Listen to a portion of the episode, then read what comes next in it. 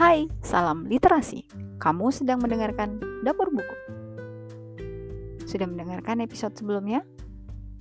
Mungkin teman-teman jadi pada tahu ya bahwa resolusi aku di 2023 adalah mereview uh, satu buku setiap pekannya di podcast Dapur Buku ini. Dan aku berharap kayak dengan ini aku juga akan memaksa diri untuk menamatkan minimal satu buku di setiap pekan. Dan alhamdulillah aku udah menamatkan buku pertama yaitu buku Someday karya Wina Effendi yang diterbitkan oleh penerbit Gagas Media. Mungkin bagi teman-teman banyak ya yang sudah membaca novel ini karena novel ini uh, terbit di 2017.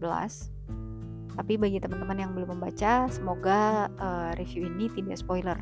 Tapi aku rasa nggak spoiler sih, karena aku nggak akan menceritakan endingnya. Aku akan membahas secara keseluruhan uh, kesan aku selama membaca novel Someday ini Oh iya, uh, menariknya buku Someday ini uh, di blurbnya yang biasanya kalau gagas media blurbnya itu selalu diisi dengan diksi-diksi yang manis, diksi-diksi yang membuat kita penasaran dengan isinya. Sedangkan di novel Someday ini uh, blurbnya, jadi bagian sampul belakang bukunya diisi oleh sebuah surat yang dituliskan oleh Wina Effendi kepada pembacanya. Aku bacain dulu ya untuk bisa jadi gambaran uh, bagi teman-teman yang belum baca novelnya tentang kenapa novel ini menjadi istimewa. Kepada pembaca, cerita ini tentang seorang perempuan muda yang sederhana dengan mimpi besar dan harapan yang besar pula. Berperawakan tomboy dengan penampilan yang biasa saja.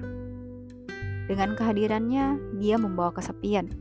Dan meskipun bersikeras tidak percaya pada cinta, ia menyimpan keinginan yang besar untuk menemukan sesuatu atau seseorang yang membuktikan sebaliknya.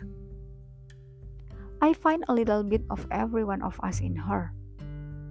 Ini adalah kisahnya dalam mencari, menemukan, juga merasakan kehilangan.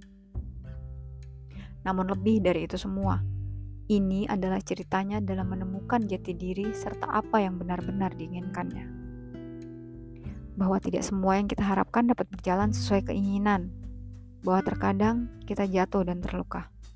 Terkadang kita menempatkan hati pada orang yang salah. But it's okay. Maybe not today, but someday. Lewat sekeping ceritanya, saya ingin percaya bahwa suatu hari semuanya akan baik-baik saja. Salam, Wina Effendi. Nah, uh, sebagai yang sudah membaca novelnya aku memang merasa bahwa uh, surat pembaca ini sudah memberikan gambaran sedikit tentang isi novelnya. Ada beberapa highlight nih yang menarik. Uh, seperti kata uh, terluka. Jadi dengan kehadiran kehadirannya dia membawa kesepian. Juga ini ya menempatkan hati pada orang yang salah uh, novel ini memakai sudut pandang orang pertama dari sisi aku, akunya seorang Chris.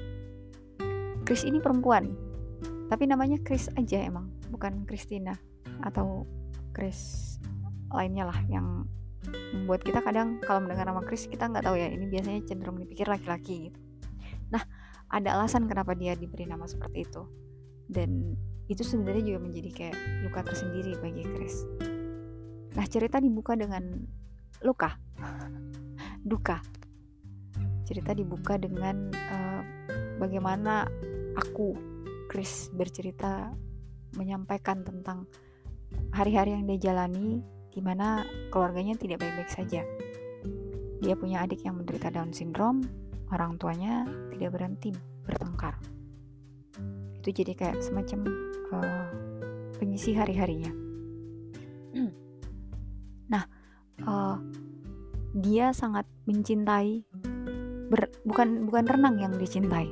Yang dia cintai adalah kesempatan untuk berada di dalam air.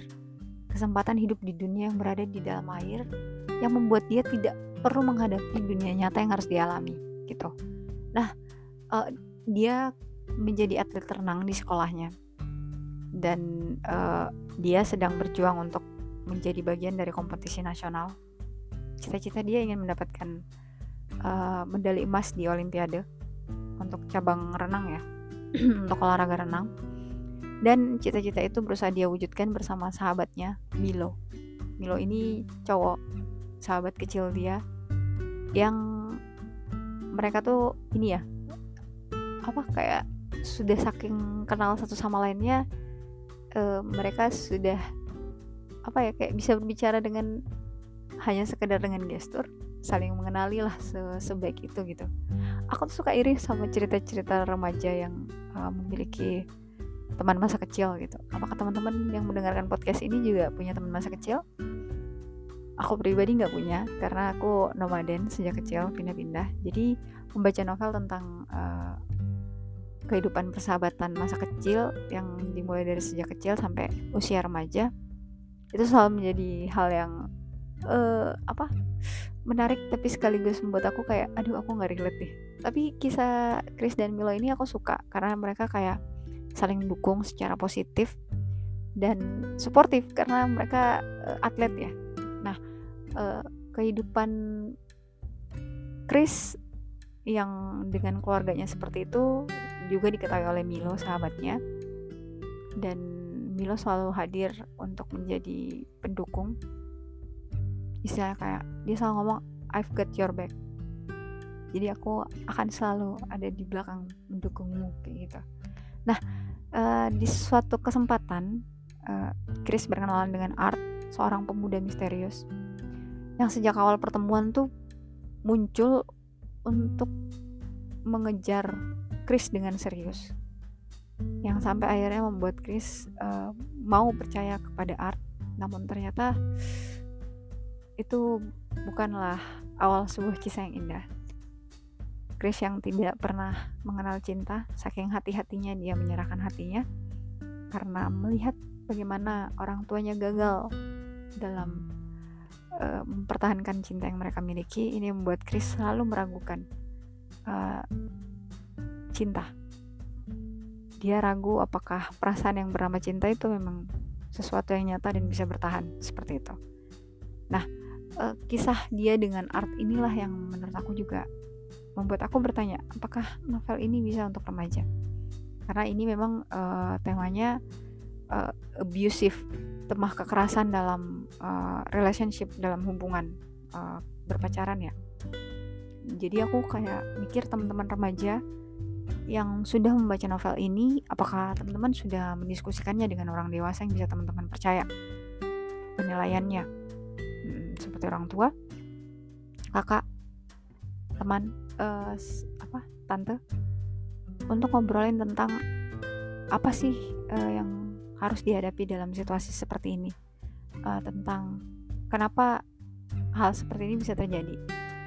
Jadi aku kadang setelah, baca novel ini aku masih terus bertanya apakah boleh mendefinisikan novel ini sebagai novel remaja? Walaupun tokoh utamanya uh, Chris ini berusia remaja 17 tahun ataukah memang konflik remaja masa kini memang seberat ini gitu di dunia nyata mereka menghadapi hal-hal seperti itu gitu nah uh, yang bikin aku membaca buku ini sampai akhir adalah karena sejak awal kita disuguhi banyak luka dan duka. Dan aku berharap ending cerita akan menjadi sebuah sesi healing, sebuah pencerahan tentang uh, bagaimana kita menghadapi luka dan duka dalam kehidupan. Tapi memang seperti pesan yang ada di buku ini bahwa someday, someday. Jadi kita harus bertahan. Karena percaya bahwa kita perlu percaya bahwa suatu hari semuanya akan baik-baik saja. Dan e, punya keberanian untuk tetap percaya itu juga berat ya. Dan proses ini pun e, diceritakan lewat kehidupan sosok Chris di dalam novel hmm, selama membaca novel Someday ini banyak hal berseliweran di kepalaku dan aku emang belajar sih bahwa ya memang relasi hubungan manusia tuh nggak nggak semudah itu nggak sehitam putih itu. Uh, ada satu percakapan yang menarik yang ada di bab-bab akhir dari novel Someday ini. Ini percakapan antara Chris dan Tante Rifka. Tante Rifka ini mamanya Milo Chris berkata bahwa Kadang aku benci kepada diriku sendiri. Tante Rifka tak buru-buru merespon.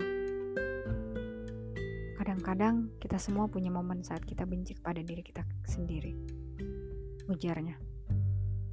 Aku menang menunggunya. Aku memandangnya menunggu penjelasan. Manusia membenci diri sendiri karena merasa lemah, karena telah melakukan sesuatu yang salah, atau sesuatu yang mereka sesali. Tapi itu semua wajar. Lama-kelamaan, kita belajar untuk memaafkan diri sendiri. Hanya saja, untuk keluar dari lingkaran itu dan mengerti bahwa semua membutuhkan proses merupakan sesuatu yang sulit. Dengan raut yang lebih lembut, dia menambahkan, "Hanya karena seseorang telah melukaimu, bukan berarti kamu juga harus melukai dirimu sendiri." Aku nggak tahu apa aku sudah melakukan hal yang tepat, Tante. Siapa yang tahu apa yang tepat dan apa yang bukan? Tante Rifka membalikkan pertanyaanku. Pada akhirnya, yang bisa kita lakukan hanyalah mengevaluasi opsi-opsi kita dan memilih satu yang menurut kita terbaik pada saat itu. Melihatku masih kurang yakin dia melanjutkan. Tante selalu melihatnya begini kita akan memiliki versi-versi diri yang berbeda saat bersama orang-orang yang berbeda pula. Itulah sifat dasar manusia untuk beradaptasi dan berubah sesuai keadaan. Tapi hanya dengan orang yang tepatlah kita akan menjadi versi terbaik dari diri kita sendiri. Uh, sejujurnya membaca novel ini aku banyak berkontemplasi juga. Oh, bukankah memang semua dari kita tidak pernah hidup tanpa luka? dan itu sebabnya hingga akhir novel ini aku masih terus bertanya itu mungkin alasannya yang uh, gagas media tidak mencantumkan di belakang bahwa ini novel remaja yang ditulis hanya novel meskipun tokohnya remaja konfliknya tidak mudah tapi sekali lagi aku bertanya-tanya apakah memang remaja-remaja kita masa kini harus berhadapan dengan konflik-konflik sebesar ini? Aku berharap uh, tidak ada Chris lain yang harus bertemu dengan art lainnya seperti itu. Dan aku berharap kita semua belajar untuk menerima luka dan menghadapinya serta menjalani dengan percaya bahwa suatu saat semuanya akan baik-baik saja. Oke deh, uh, itu saja ulasan dari aku untuk novel Someday Wina Effendi. Uh, mudah-mudahan ini bukan spoiler. Banyak bacalah sendiri untuk menemukan prosesnya, untuk bisa merasakan langsung prosesnya, bagaimana bertemu, bagaimana uh, Chris kemudian menghadapi luka uh, fisik dan batinnya bagaimana segala apa proses memang untuk sembuh itu semuanya ada prosesnya dan semoga kita selalu punya keberanian untuk menghadapi yang akan kita dapatkan di hari esok. Oke deh, sampai ketemu di episode uh, dapur buku berikutnya. Semoga buku berikutnya lebih ceria ya daripada yang hari ini. Oke. Sampai ketemu. Bye bye. Salam literasi.